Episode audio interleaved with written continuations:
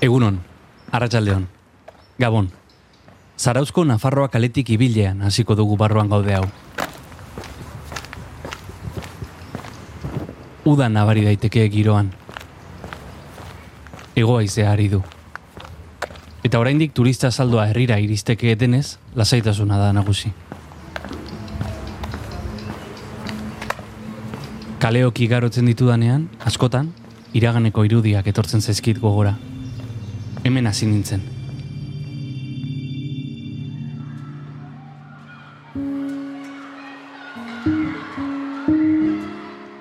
Txikitan, inguruetan zeuden baratzeak zeharkatzen dituen amari, amama Juliari edo Juani zantzaileari eskutik helduta.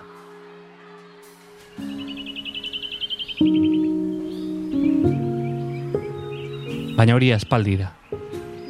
Etxe zarrauen lekuan letxugak, tomateak eta porruak landatzen zirenean.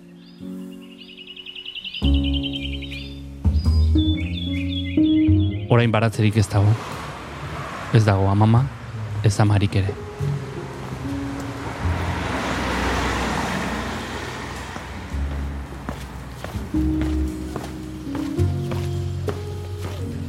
Baina gu kaleotan gabiltza, ondo dakizun gixan, astero bezala persona interesgarri baten etxe atariaren bila. Bertara sartu eta arekin sola saldi bat izateko.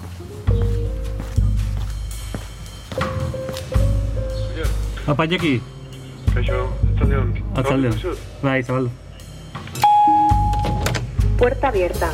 Por favor, cierre después de entrar. Gaurkoan, eriotzari egunero begietara begiratzen dion mediku bat izango dugu anfitrioi. Paliatibista esaten zaio.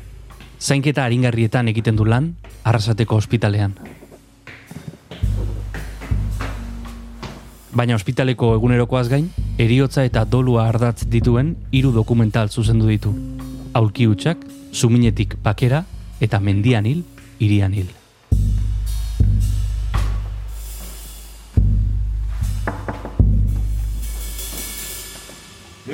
Kaixo. Ondo. Ondo topa duzu. Bai, jo, kosta zaite. Ezin ez behiratzen Ja. etxetarte nola, eta azkenen. eh. Bueno.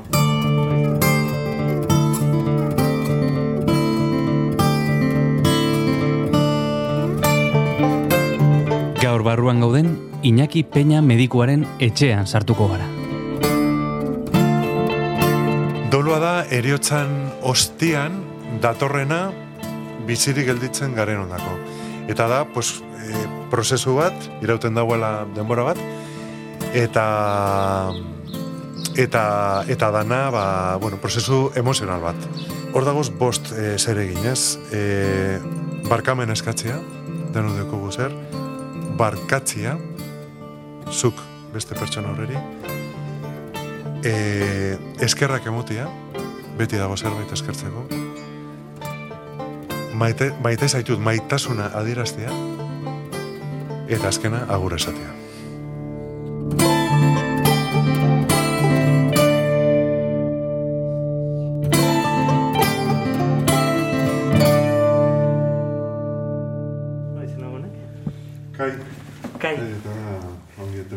Etorriko Eitu. Zerra zara? Da, kanitxea. Gaztea da, eh? Bai, bai, gaztea eta bai. Eta errasten dago la pixka. Bueno. Elkarrizketa egin dugun egunean bertan legeztatu da eutanasia Espainiar estatuan. Eta kafea prestatu bitartean horren inguruan hitz egin dugu. Bai, eta, eta nik uste dut toki guztitan ja erdi martxan egongo dira direla batzordiak eta Bai. Eta, bueno, arrasaten behintzat bai, pixka bat azkeneko momentuan eta horrela, baina, baina, bueno, gero ikusten duzu jo beste toki batzutan asko zukarra, bai. No, zui, eh, denborakin informatu zaizu mo- protokolo ez? Azkeneko momentutan, osea, hori hori horrela da. Eta gainera, falta zaigu formakuntzan, zati oso importantea dela azkenean fizikoki zelan egin dugun.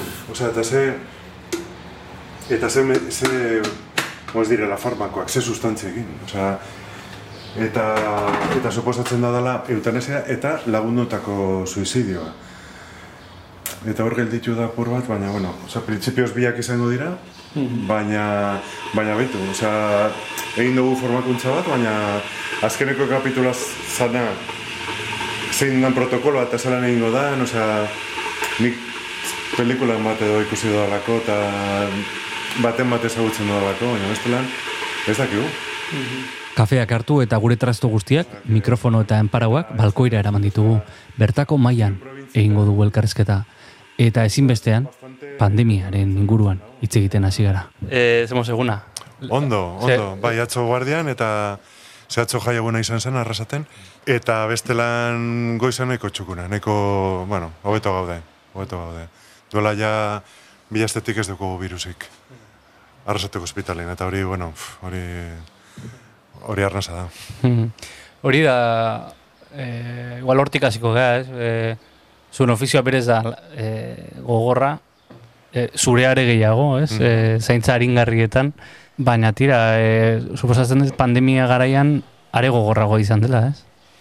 Bai, nik, kau, izan da gauza bat, inork ez duguna bizi, lehenago, holako gauzarik ez, eta ez ja, bape guztetan e, paralelismo belikoak edo egitea eta soldaduena, eta hori hasieratik gainera ojetori izan nintzen zerbait tegatik, osea, horrein de repente soldadua ditzeko, baina baina ziurazki gertuena izango dela mm, gerretan gertatzen dana, edo gerra ostian gertatzen dana. Orduan, gutariko gehienek ez dugu ezagutu olakorik. Eta orduan, bai, bai, izan da urte bat tapiko oso oso intensoa. Bai. Zure kasuan are gehiago, ze eh, COVID-19ak gehien eragin duen eh, populazioaren sektorea da adinduena, ez? bai, bai, hori argi eta garbi. Adinekoak izan dira, goitibera, eta eta nik beti esaten dut, osea, nire kasuan eta ziurraski beste lankide batzuen kasue, kasuetan be, zainketari ingarrietan jarraitzea, izan da super onuragarria niretzako, ze, izan da modu bat, ez azteko bizitzako beste guztiaz. Eta, eta gainera kompromisoare haundiagoakin izan da. Osa, are konstientiagoa, osa, a ber, betiko moduan, baina igual plus batekin, ez? Osa, normalean egiten baldin baituzu txostenak arretaz, arreta handiagoekin. Eta, eta telefona erabiltzen baldin magendu, are gehiago. Eta, eta gainera, pues, mantendu ditugula, nire kasuan mintzat, mantendu nitula konsulta pre- presentzialak garairik okerrenean. Hain zuzen ere nik esaten utzen, osea, gauza batzuk ezin direlako egin telefonoz, argi garbi. Osea, nik goratzen lehenengo bizitak edo pertsona bat ezagutzen dozunean, edo lehenengo bizita oso importantea dela, ezin dozu telefonoz egin. Eta kasu batzutan goratzen az plantan ezagututako pazienteen bat, eta ze angustia kargakin zegon, pertsona konkretu bat dekot buruan, eta, eta ikusi behar nuela aurrez aurre, argi eta garbi. Osea, eta orduan hori da gauza bat ziurraski eurentzako oso mese degarri izan dela, eta familientzako, baina niretzako bai. Ze, ze gaina esaten utzen, osea, ez dago inor. Osea, gu bakarrik gaude. Orduan zentzu horretan, inoiz baino seguruago. Orduan, nik hori beti goratuko dut. Bai, onerako. Naiz eta etzaizkigun gustatzen gerrakin konparazioak izan duzu, antza izan zuela, Bai. ez? E, zergatik, e, ze, ze bizi izan dezute pareiten barruan? Pues izan da, izan da pf, gauza pila bat, eh? baina desestrukturazioak eta biktima, mul, biktima multiplen zera, ez? Osea, ze orain arte, pues egiten dituzu gauza poliki-poliki eta dukuzu paziente bat eta gero beste bat. Eta kasu honetan zen, pues, COVID-akin, eh? Osea, virusakin, pues igual paziente bat eta eta bitartian gazteizen gure referentziasko ospitalian, ba, eukitzea beste zenide bat, igual, igual semia. Eta intensibotan.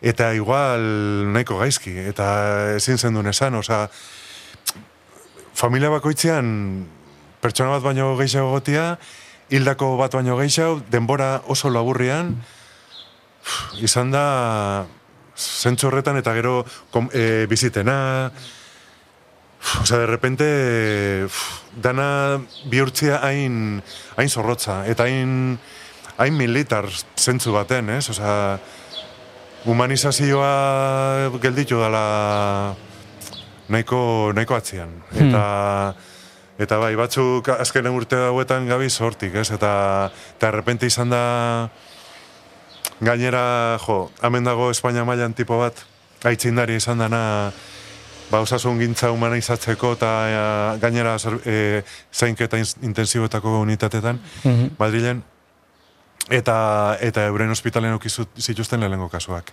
Torrejonen uste dut. Hmm. E, Gabi eraz, eta, ja, eta, bueno, gero berak pasatu zuen bebai, gaixotasuna, eta liburu bat egin da horreri buruz. Eta, eta bai, pues de repente egindako lan guztia artesanala, poliki-poliki, eta de repente, pff, osea, hori, hori da de, desoladoria, osea, da, pff, bai.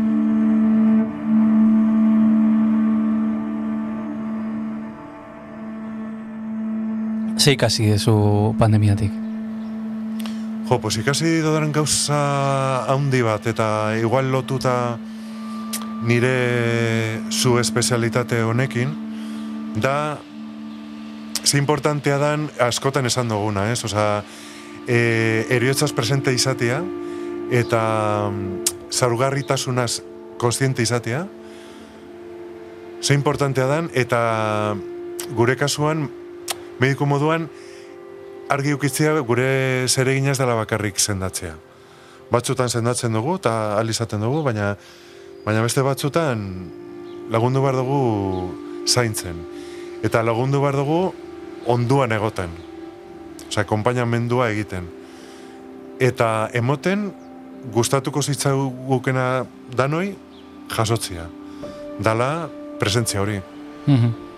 Orduan, nila duela ja urte batzuetatik ona ja oso konstiente naiz, pues bueno, pues denborak aurrera egiten dagoela, eta nire inguruko batzuk bezala, pues niri tokatu, posibles, zaidala tokatu, ez? Osea, ez hainbeste, ni enaiz hainbeste egon virusakin bildurtuta, ze, ez dakit, nolabait pentsatzen dut, badago zala beste beste gauza batzuk hortik, ez? Eta orduan, hoiek hor dagoz, eta igual iritsiko dira, igual ez, baina, baina preste egotea, eta eta irakaskuntza nagusia dala hemen eta orain bizitzea. Nik hori oso presente ukidot aspaldidanik, eta momentu hauetan da refortzua, eta orain pertsona batzuk konturatu dira ze importantea dan hori, eta esaten oso, jo, pues, pues ondo goiaz, ez? Eta ikusi ditu nire lankide batzuk hain, hain, hain, panikoak hartu eta hilabete horietan eta momentu baten nire lankide batek esan usta baina, zuk ez oso bildorrik? Eta hombre, ba, tarteka, jo, pues larritzen, larritzen nintzen nibe bai, baina baina oso presente neukan. Osea, hori, hori nik am, azkena amar edo amaika urte hauetan, pues asteroko kontua zala, jendea hiltzen dela, eta jendea momentu batetik bestera, ez? Eta, pff,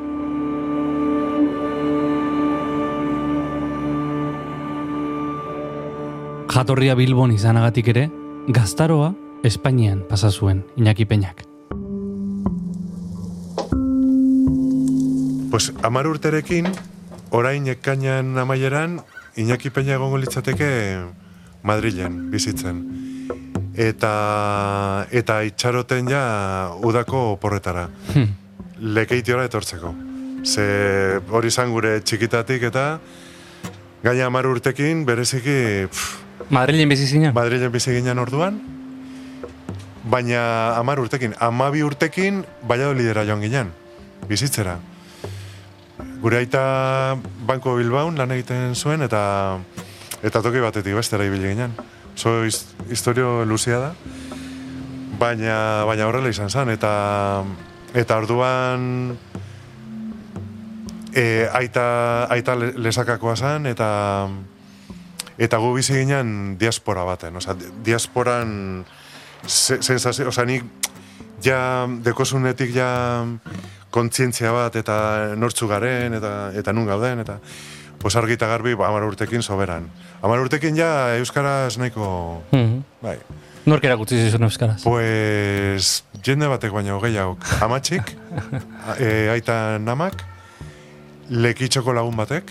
Osa, ni beti nire eusk referentzi, bai, bortziri eta, baina, baina hori baino gehiago bizkaitik izan da beti.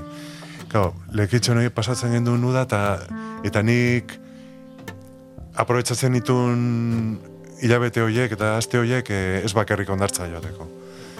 Orduan, orduan bestela, pues, bai, diaspora baten eta bai, pues, eh, euskal etxea eta dana, osea, pak, pak guztiakin.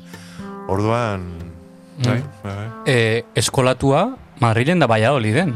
E, Bai, bai, bai, eta karrera, karrera garaian justu medikuntza hasi behar nintzenean, e, joan behar bizitzera gazteizera. Eta niri justu tokatzen zitzaidan, zerotik hastia. Osea, karrera, e, anaia ez bezala, anaia ja hasita zegoen karreran. Eta, eta ez da ere, ez da ere. Osea, justu izan zen Banko Bilbao eta Banko Bizkaian arteko fusioa, BBVA, eta BBV, barkatu, eta eta azkeneko momentutan ez ez, e, gazteiza joango zala Bizkaiakoa eta Bilbakoa e, berriro Madrilera. Eta karrera Complutensen egin eban, gazteleraz, eta Eta, bueno, pues, hor pasadizo pilo bat dagoz, baina nahi baduzu lotzeko pixo bat, bai, ba, justuk e, diaspora horretan, edo karrera garaian, ezagutu neban, e, bueno, pues gaur egun nire lagun minetakoa dana, e, Zarustarra, e, Tomas Delorean taldeko Ba, eh? taldeko anaia, anai nagusia, eta eta berarekin hasi nintzen zarautz, bueno, zarautz ezagutzen eta eta horrela. Ze ezagutu ginen Madrilen eta eta bai, ba ba bi, bi, bi jo bueltatu ginen, e, etorri ginen ona ja bizitzera eta bar eta eta horrela, bai bai.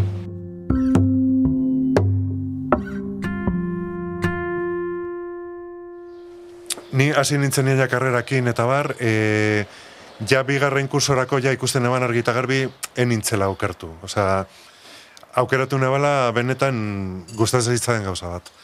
Eta kuriosoa da, nire lehengo esperientzia hola potentia medikuntzakin, izan zala ja, jaiotzakin, jaiotzakin. Ba, Bolivian nengon kooperazio bat egiten eta eta tokatu zitzaidan ikastea e, erditzeak eta atenditzen.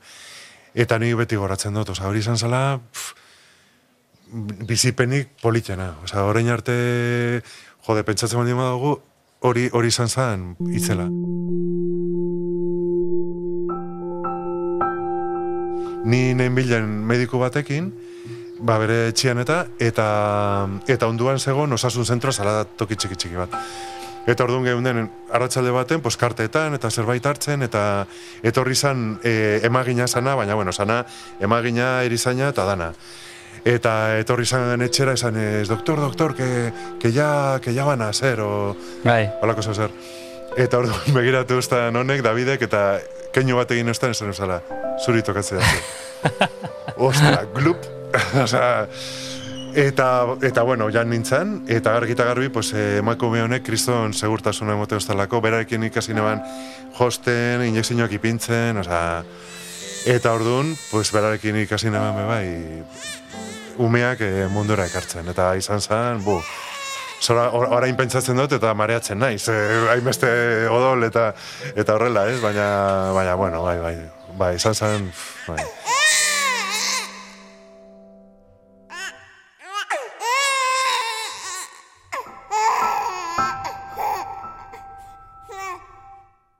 Noiz ezagutu zen lehenengo aldi seriotza? Profesionalki edo bestela, ez. Bestela, bestela izan zen, nik esango nuke lau urtekin edo. Lau urte edo hiru urte eukiko nitun. Eta ni, gure lehenguzu bakarra, Javi, e, lehioakua, ba, ba umezurtza zen. Eta kao, ni horren kontziente izango nintzen, pues, hiru edo lau urtekin. Eta, eta nik beti gurasoi eta eskertuko dutzet naturaltasun horrekin jokatu izana. Zeitzinan ibili ipuinekin. Kontatu eskuen, Javi, umezurtza zala eta bere aita zelan hil zan. Hmm. Orduan, klaro, hori ume baten dako, joder, osea, zure lenguzuak, osea, oso beti oso harreman hona euki dugu, oso, oso gertu egon gara beti, eta aitarik ez eukitzea. Eta gainera, beraita zala pilotua eta hil zala e, gazkin istripu baten. Uf, Osea, eta, eta nire izeba bakarrik egotia, eta hori guztia, pf, hori, hori izan zen lehenengo kontzientzia seguro. Eta hortik ez askotara, hilgo zen, e, aitona, lehenengo aitona, norabait, amaren aldetik aitona, hil zen minmisiakin, eta goratzen az horretaz, be bai, zela joan ginen bizitan, hospitalera, eta baina bastante, eh, ba- bastante bakean, ze ikusi neban, eta ez, ez deuko, beti, beti edo, ia beti, eta, eta bintzat, lehenengo bizipen horiek izan zirean bastante baketsuak edo naturalak, ez? Hor, nik daukate, bueno, nire mailtzan berroita mairu urtekin, ez? Baitu, Eta, oain, karo, alaba eri, karo. dakat dilema bat, ez? No- Nola esplikatzen zaio hori, ez? Nola esplikatzen zaio nire ama, Mhm. ez? E, eta nire amaren kezka hundietako bat, zer nire ama oso zientifika zan. Oso zientifika, bio, biokimika ikasi zuen, eta eta goratzen dut, e, egun batean deitu zidatela, e, talaimen dire igotzeko, eta nik uste nuen zala beste kontu bategatik, edo na, zerretuta, bueno, garai nahiko ko- elkar konfrontatzeko garaiak zian, ez? Eta goratzen dut nola esan zian amak, orduan, ba, minbizia topatu ziotela, eta fin dela partida, ez? Amaitu dala. Metastasia zeukala, eta karo, amak hori bazekin, bazekin, bazekin ez zeukala irten biderik, ez? Hasieratik, esan zian hori. Eta, karo, nire amaren kezka hundietako bazan, ez zula ikusiko e, gero etorriko zianak, e, ez zula ikusiko guk zer egingo genuen, eta hori esan, ala esan zion aitari, ez? Eta, eta karo, orain nidakat responsabilidade bat, edo ardura bat, juleri kontatzeko nor zan ama, ez? Eta saiatzeko aldan neurrian e, presente egon da, da oso zaila da. Julek duko hiru urte eta piko esan zu. Bueno, pues ja laster, baina laster, osea, ja bostu edo sei urtekin, aukera aukiko duzu berarekin hitz egiteko. Eta, eta gure gurasoak gurekin egin zuten moduan, egiten nahi naiz ni gure umeekin. Hasieratik. Eta jakin min hori, ze hori hor dago eta galdetuko dutzu, asetzeko modu naturalean. Eta erantzuten zuzenean. Hmm. Ipuine gabe, eta bueltari gabe. Osea, hil zan minbiziakin, eta zer da minbizia, gaixotasun bat oso la, latza dana, eta bla. Eta ez dakit, berak nahi izango duen arte. Eta gainera gero kapituluka izango dela, egun baten izango dela sesio bat, gero beste egun baten egon zara ondartzen edo mendian, eta erpente, aizo aita, eta eta o, eta eta erantzun behar da. Erantzun behar da, alik eta naturalen. Hmm. Eta galdetuko dutzuna, pues, pues erantzun. Osa, hitzekin. Gainera, minbizia eta zenbat urta zeukan, eta... dana. Esplikatu behar da. Bai, bai, bai. Dana argi eta garbi. Bai, bai, bai, bai. bai.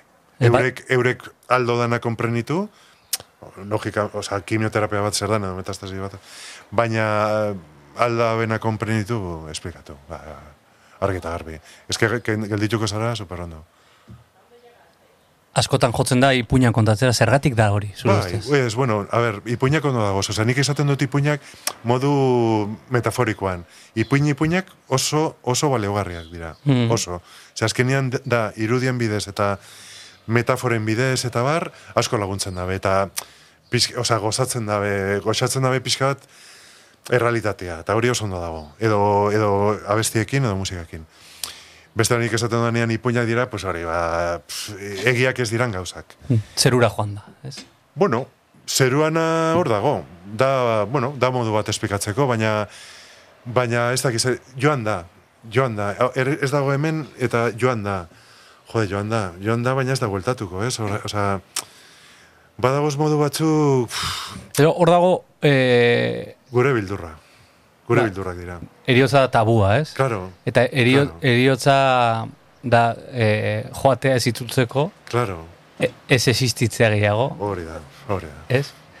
Bai, hori da, hori ga- ga- gainera da angustia itzela sortzen dagoena, ez? Eta gero, claro, galdetuko dutzu zura mari buruz, baina galdetuko dutzu danok egin dugu moduan eta hauek egin dabe moduan, ba, beste galdera horiek. Claro, Jule eta eta orain txikiena, ez? Osea, txikiena galdetuko dau igual, julekin egon zariela ez dakit nun oporretan eta, eta bera, bera galdetuko dau. Eta ni nun nengoen, Hmm. jaio baino lehen. Osa, Oiek dira galdera existentziala totalak. Eta ber, ez da zelan erantzuten duzu, da misterio hori eroitzakin gertatzen dana, oza, oso, oso antzekoa. Nun zeunden, pues, inunez, baina, bueno, baina, ez? Bai, Baina nolabait, bazegon. Bazegon, zure zeluletan, eta, ez? bai. Zure zeluletako bat, eta, eta hitzana, eta, oza, orduan, baz, ez zegon, baina bazegon. Proiektu bat, bai, eta, orduan, bai, Zuk beldurra diozu eriotzari. Bai, bai, ni, a ber, je- jende guztiak bezala, pues, badeukot bildurra, pues, bai, ni oso pertsona vitalista naiz, eta, eta bai, jo, pues, iristea, eta, eta de repente, pues, gauzak amaitzea. Orokorrian gauzak amaitzearena, osea, hori, hori kudeatu behar dozu, eta ondo, ez? Gero bestelan, konfiantza duko, te, pues, hombre, pues, eh, sufrimendurik ez dodala eukiko, edo bidea topatuko dodala sufrimendurik ez eukitzeko, eta ondo lagunduta egoteko, eta albaldin bada e, etxian izateko. Hemen bertan, osea, toki honetan. Orduan, e, horrekin konfiantza dukot, baina bestela, eta hori asko da, hori asko da, osea, baina, baina bestela, bai, bai, osea, amaitzearena hori, hori nahiko gauza izorrantea da. Bai. Askotan tokatuko zaizu, edo e, segurazki tokatu zaizu zure ofizioan, ez? E, eta zaila da imaginatzea, baina nola esaten zaio norbaiti hiltzera doala. Pues hor dagoz, bueno, pues depende zure pertsona horren izaera zelakoa dan, araberat. Horregatik izan bar gara, psikologo onak edo jakin bar dugu aurrian ze- zein dekogon, ez? Eta ze biografia dukon, eta noraino posible dan, eta noraino ez, eta eta komunikazioa zelakoa dan, eta horregatik importantea da, azkeneko momentu horiek baino lehen pertsona ezagutu izana, konsultan eta bar, ez? Orduan pertsona batzukin esaten da zuzenian.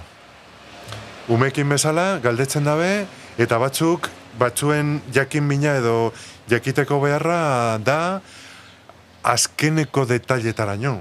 Azkeneko detailetaraino lengo gunean goratzen ginen, pertsona bat e, batetaz, e, berrogeita hamar urte ingurukoa, gizon bat, eta, eta justu ari ginenean ja sedazio bat ipintzeko, galdetu zidan, haber izango zan ipini eta ta automatikoki eta berehala hilgo zan, eta ez bazan horrela, haber entzungo eban zeo zer, eta horrela. Eta hori- hori benetan, Eta zer antzute zaio horri.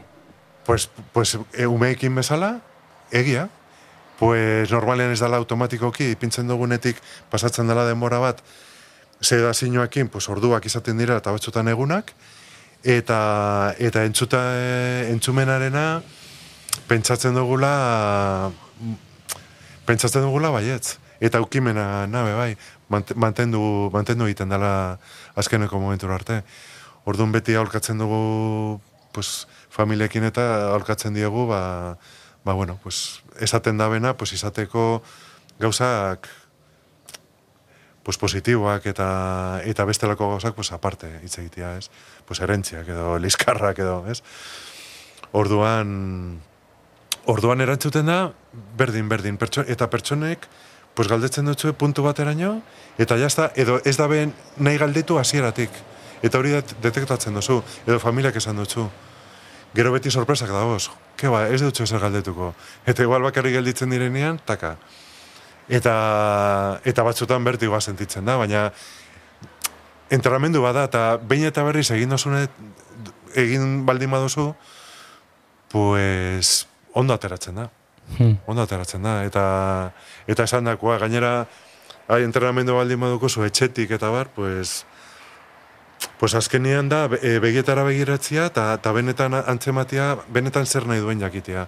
Eta hori zer, hori zer antzutea, oza, azkenean, empatia esaten dugunean, azkenean, garatzen duzu gaitasun hori denporakin, eta eta argi eta garbi ikusten duzu. Orduan, zer eskatzen nahi da, edo, ze gustatuko leitzaiake niri, osea, pues hori emoten duzu. Azken bidaia hori, ez? Bai, bai, bai, bai, bai, orduan, eske ez duzu itx- utxik egin behar, osea, ja hor ez, da, ez, da, ez dago denborarik, eh, ez? zirkuluka edo ibiltzeko orduan.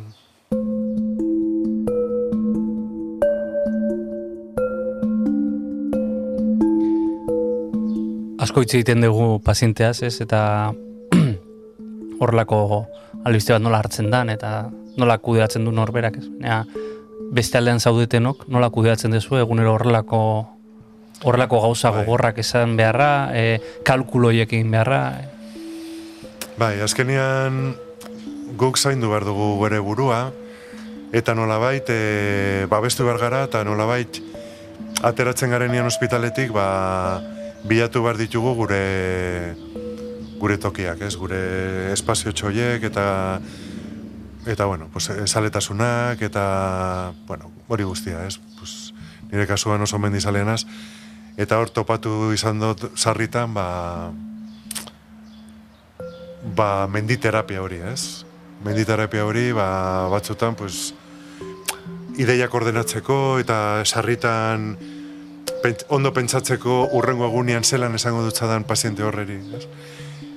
Ba, eta, eta menditza oso baliogarria da horretako, osea, de repente, jo, hemen ez dozu ikusten eta hor goian ikusten. Pff, eta itzela da. Eta ez, balio izan duzta bai, konektatzeko, pues, bueno, hiltzen ari ziren paziente batzukin, mendizaleak zirenak, eta eta bueno, hitz egin izan duguna, pues, mendi konkretu horreri buruz, eta esan dutzazula pazienteari, pues, baitu, ostegunean inaz etorriko, egun libera deukot, eta jango naiz, ernilora. Edo eta goratuko nazutaz, edo egingo dut, ez dakiz edo ipiniko dut buzoian, ez dakiz zer Mm. gauza horiek azkenean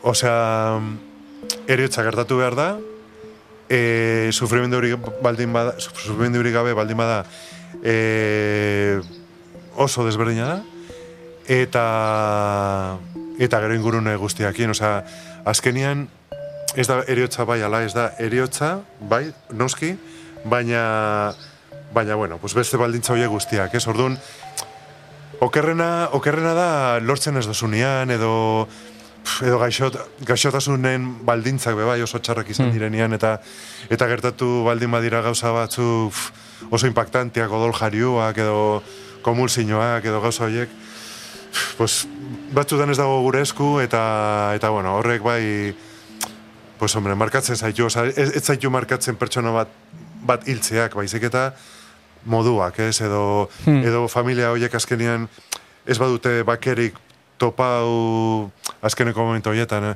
Hmm. Gauza batzu, bai, edo, edo oso gaztia izan baldin bada pertsona, Karo, hori, hori eramaten dozu, eta dira markak, ez? Osa, lehengo hildakua, edo lehengo ta, pla, pla, Motxila bada. Bai, eta poliki-poliki, claro, ja eukidozun nien lehenengo bat ez dakizelakoa, pues ja bigarrena eta hirugarrena eta laugarrena, pues bueno, beste modu batekoak dira.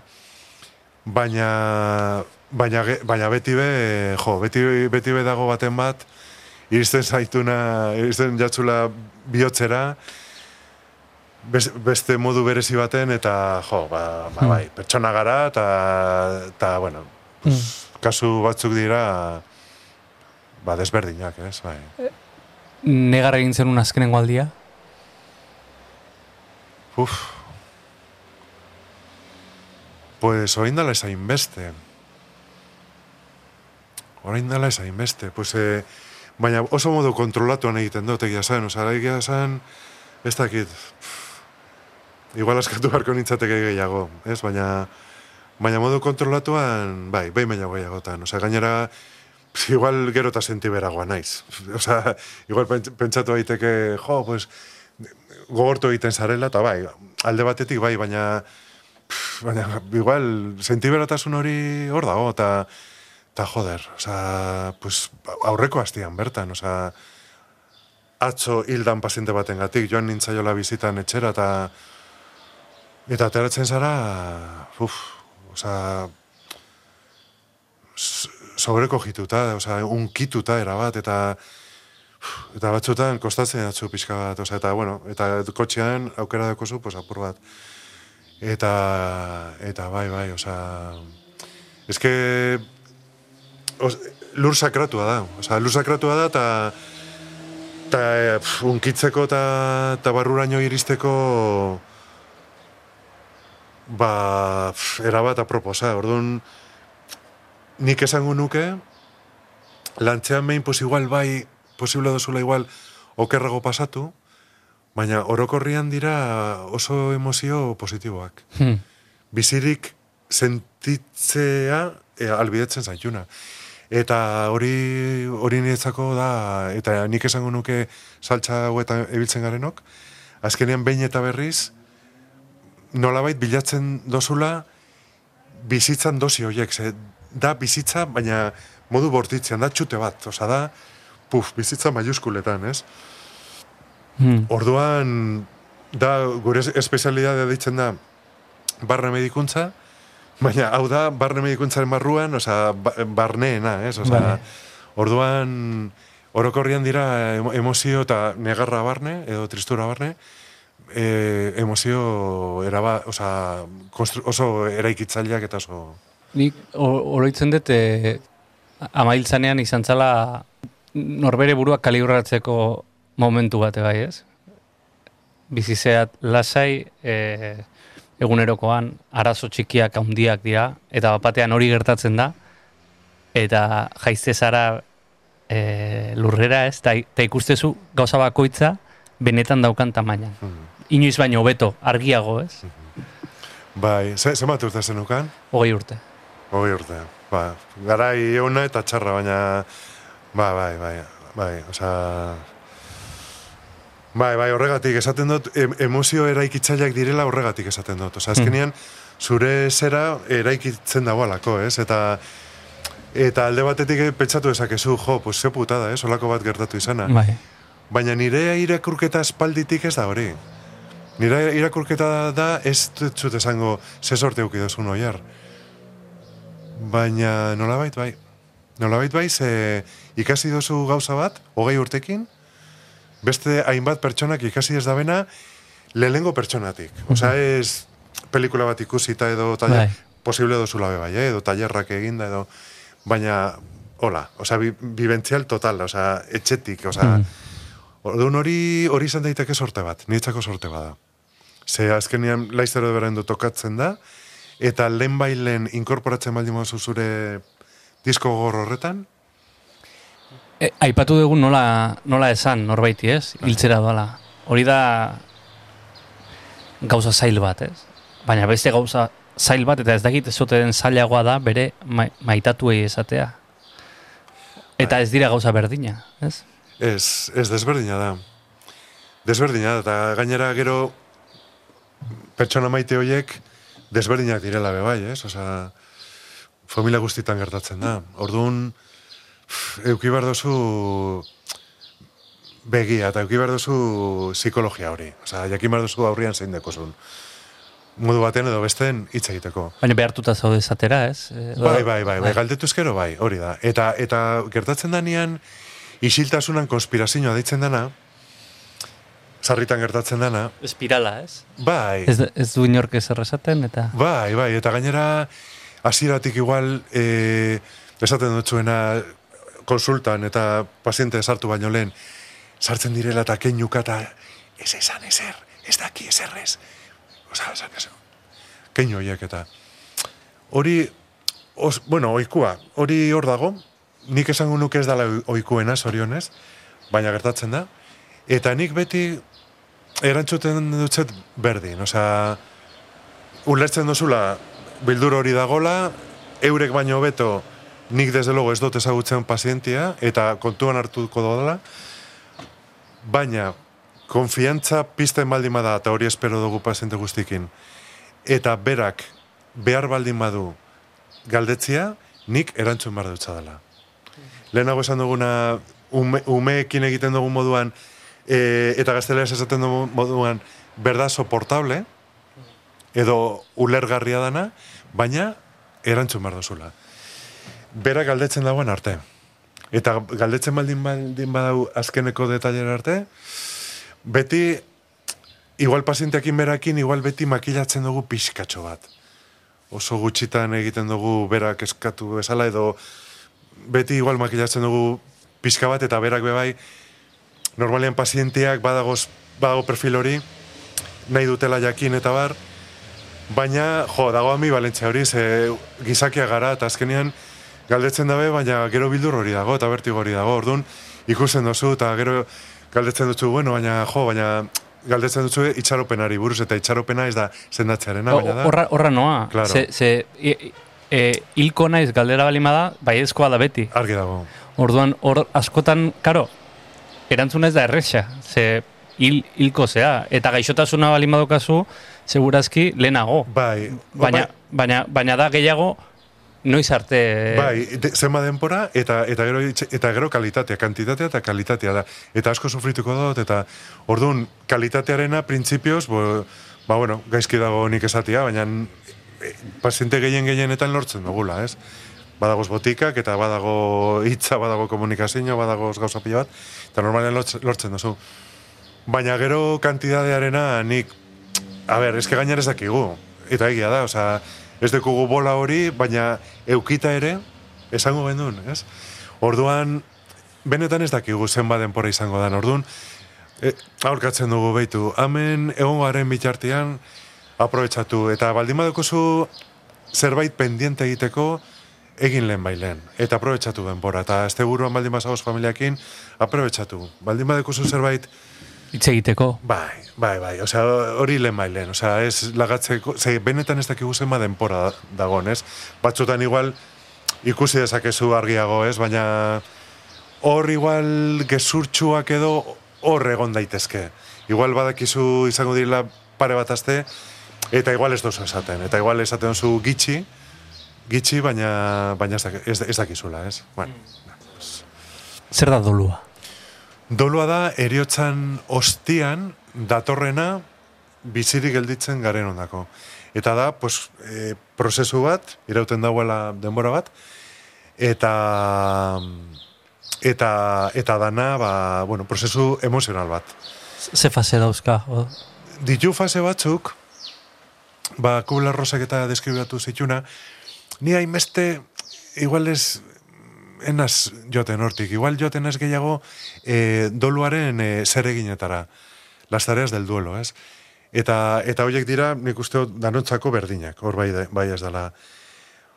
Hor dagoz bost e, zer egin, ez? E, barkamen eskatzea, danu dekugu zer, barkatzia, zuk beste pertsona horreri, e, eskerrak emotia, beti dago zerbait eskertzeko, maite, maite zaitut maitasuna adieraztea, eta azkena agur esatea. Hori egin dezakezu gaixotasunekin, minbiziarekin, minbiziak denbora emoten dutzu hori egiteko, batzutan posible dugu egin eta beste batzutan ez, Baina, kau, suizidio batekin, istripu batekin, erailketa batekin, egin behar duzu geroago, ez?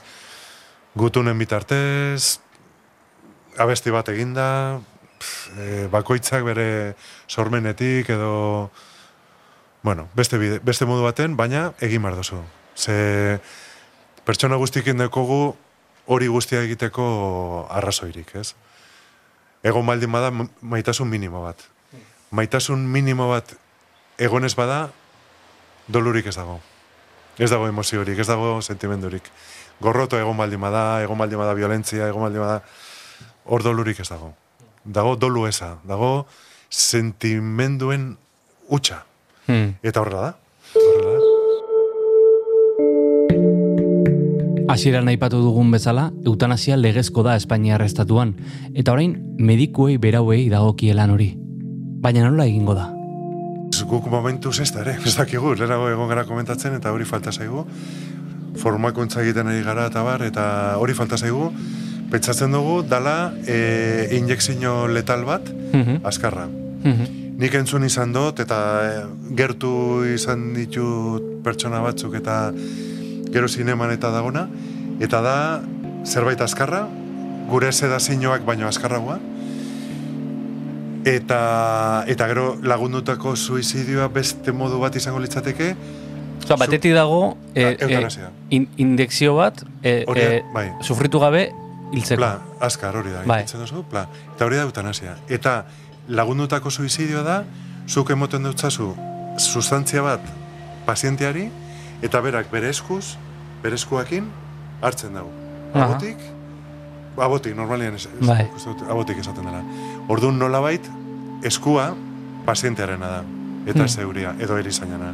Hmm. Eta hori, e, zer nork erabakitzen du, hori Hori pazienteak era. pazienteak Bai, erabakitzen eta hombre, bere gaitasunan arabera. Bai. Osa, ezin baldin bada mugitu edo, baina, bueno, beti dagoz pajitak, osa, pues, San Pedro kasua, eta Bai. azkenean, pues, San Pedro hori norbaitek eman, eman baldimazion zerbait berak edateko bere kabuz, orduan izan zen lagundutako suizidioa, mm eutanasia. Bueno, dira detaileak Bai. ez, baina, baina horrela da. Orduan, lege hau dator komplementatzera guk egiten duguna. Osea, ez da edo eutanasia edo zainketa eringarriak.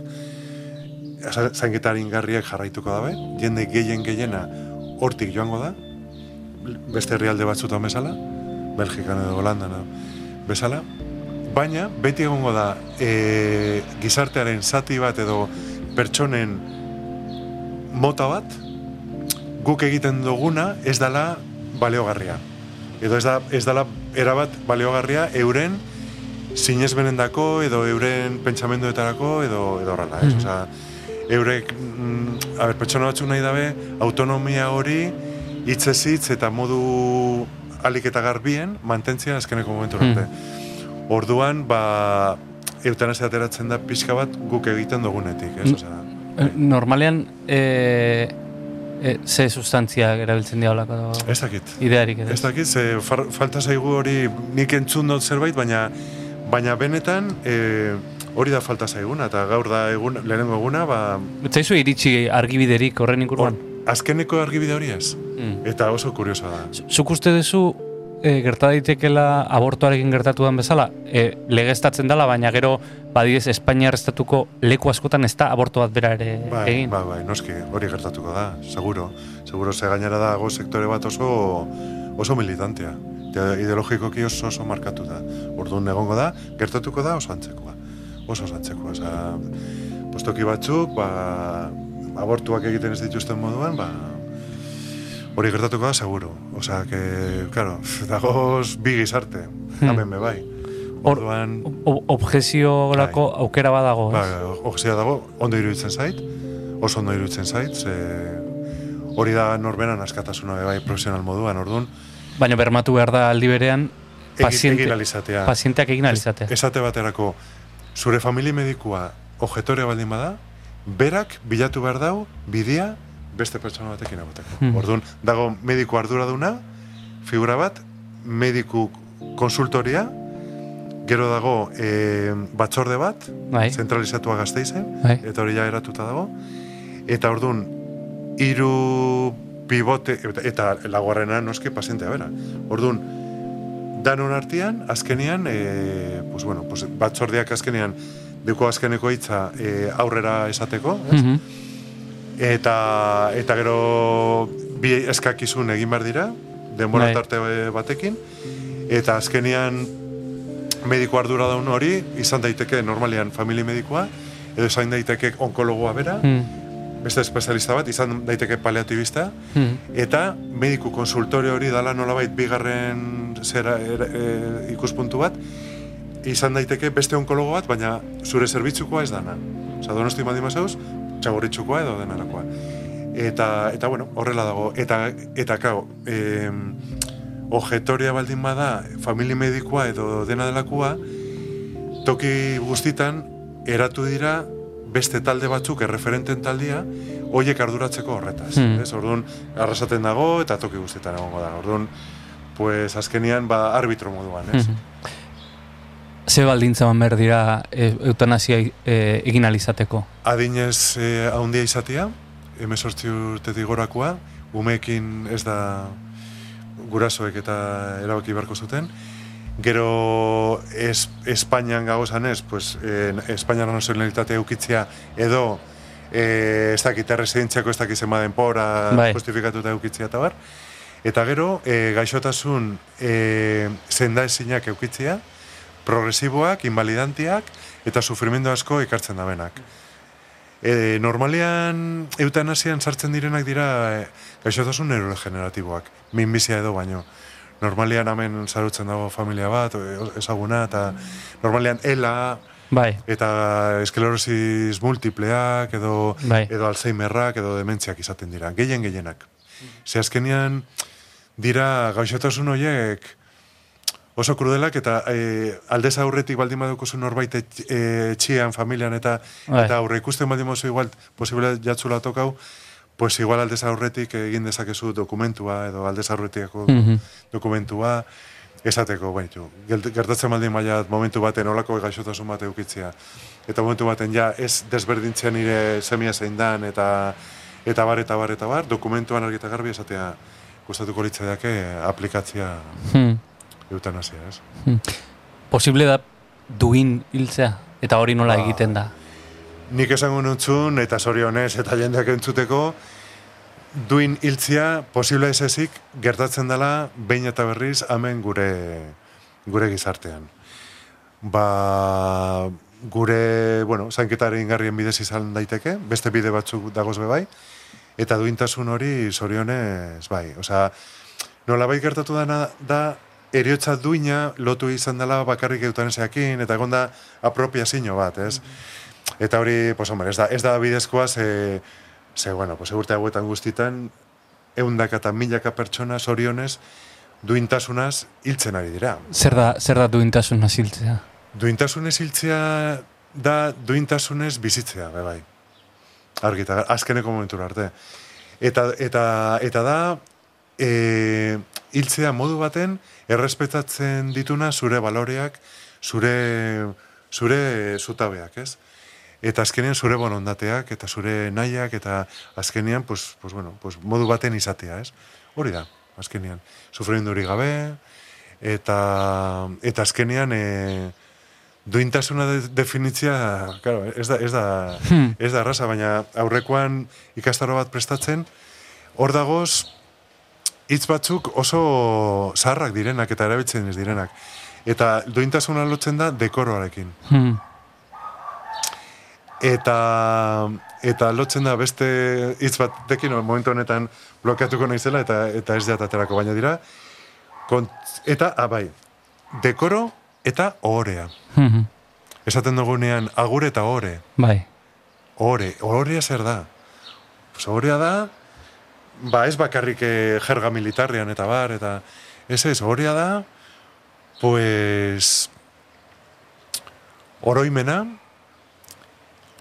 eta eta Erre, errekonozimendua. errekonozimendua eta balore konkretu batzuk, ez?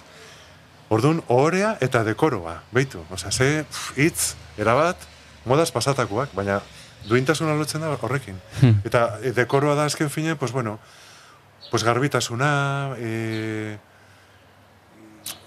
baldintza minimo batzuk, ez? Osea, etxian, goxo, osea, ez, edo ze modutan, osea, kontrakua, zer ez da duina, ez? Pues, etzan duina, esate baterako, eske niretzako izan zen super impactantea. Muhammad Gaddafi zelan hil zen, Mhm. zelan hil zuten. Ikaragarria izan zen. Telebisatua. Bai. Hori da, erabat, Aurkakoa. hori da, beste, justu antipodet, antipodak. Duina izan zen, Pinochet hil zan modua. Hmm. Eta ni alde nago, oza, inkluso pertsona horiek duintasunez hil bar dira, edo segatik ez. Du, duintasuna da, azken batean ere, norbere borondateari... Hori da. Eh, Azkenean, e, kontzeptua da zure, zure zeraren arabera hiltzea. Zure borondatearen Zure arabera. borondatearen arabera eta zure sinesmen eta gauzen arabera.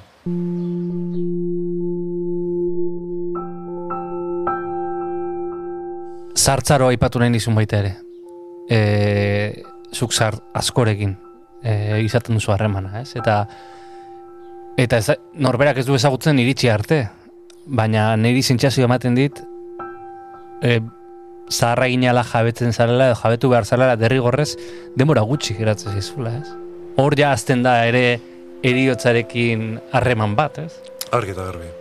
Argi eta garbi eta pertsona batzuk oso kostiente dira horrena. Eta eta sarritan abizatzen deuzkue, eurek. Igual, gaixotasunik ez deukie, baina bai adina, eta, eta esaten dutzue, eta horrela da, osea, esaten dabe, edo azten dira metxetan ez dakiz zeinekin, hildakoekin, eta berez igual ez dago minbizirik edo, sabes?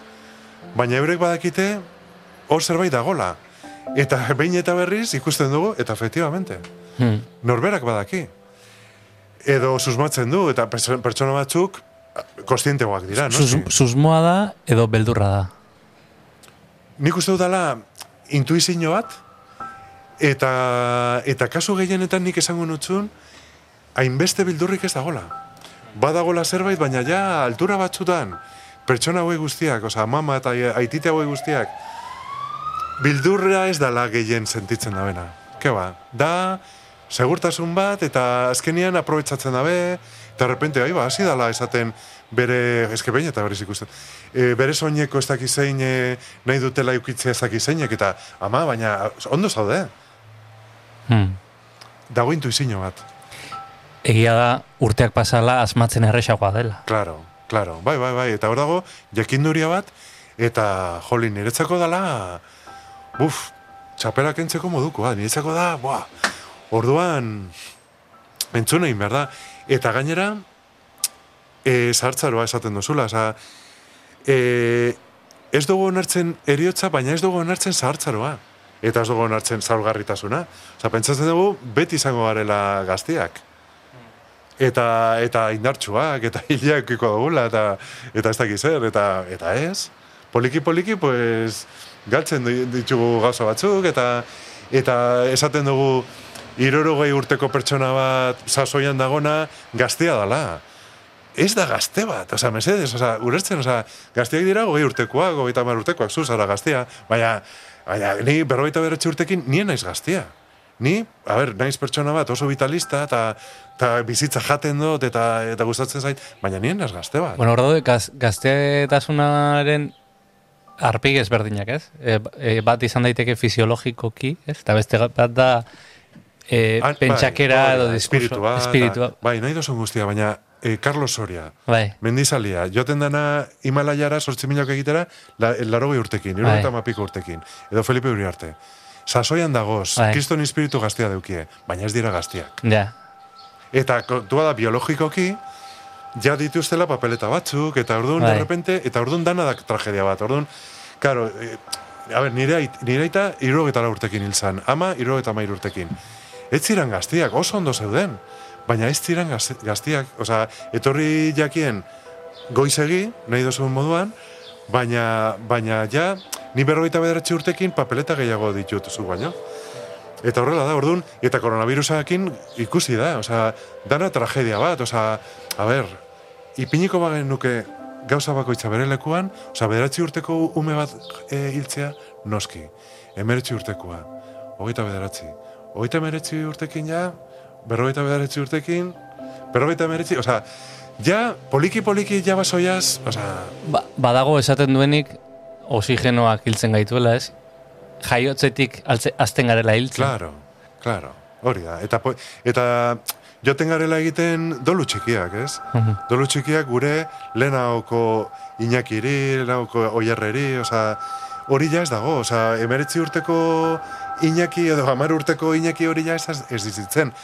Gelditzen da zerbait eta nigo horatzen horretaz, baina berrogeita beratzi urtekin beste pertsona bat naiz, eta Zelulak berritu zaizkizu, ez? Claro, claro, eta egongo da zerbait horrena, baina baina ez dakit, eh? Fisiologikoki eta ez Bueno, dakit. or- oroitzen duguna gara, Bai, hori da. Eta neurona batzuk eta bai, baina baina gehien gehiena berriztatuta dago. Orduan, ba, ez?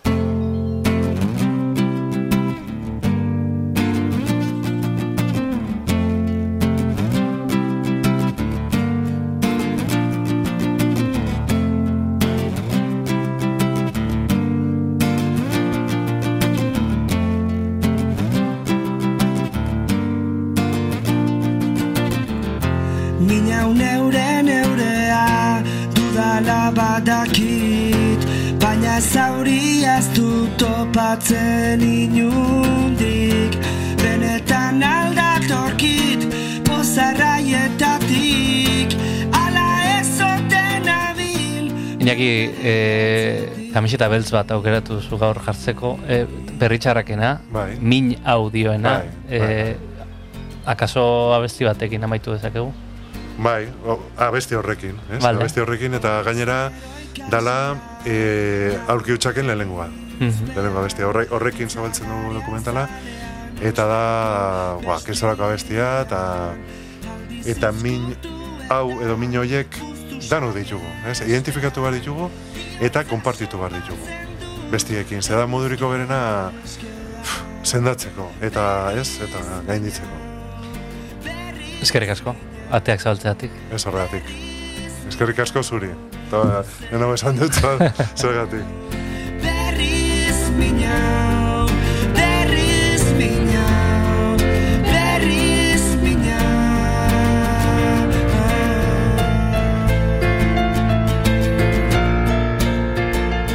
Amaitu dugu gaurko alea, baina gogoratu barruan gauden astero-astero, ostiralero, persona baten etxean sartzen ditugula mikrofonoak, eta edozein audio plataformatan arpidetu zaitezkela gure podcastera. Gainera Twitterren topatuko gaituzu abildua barruan gaude kontuan. Eta gogoratu gure lagun eta lankide Juan González Andresek saio honen siamesa egiten duela gaztelaniaz. Estamos dentro, ura ere topatuko duzue audio plataformetan eta sare sozialetan. Besterik ez, besarkada bat eta datorren astera arte. Gudu zelai bihurtzen denean norbera Irabaztea zer da, zer galera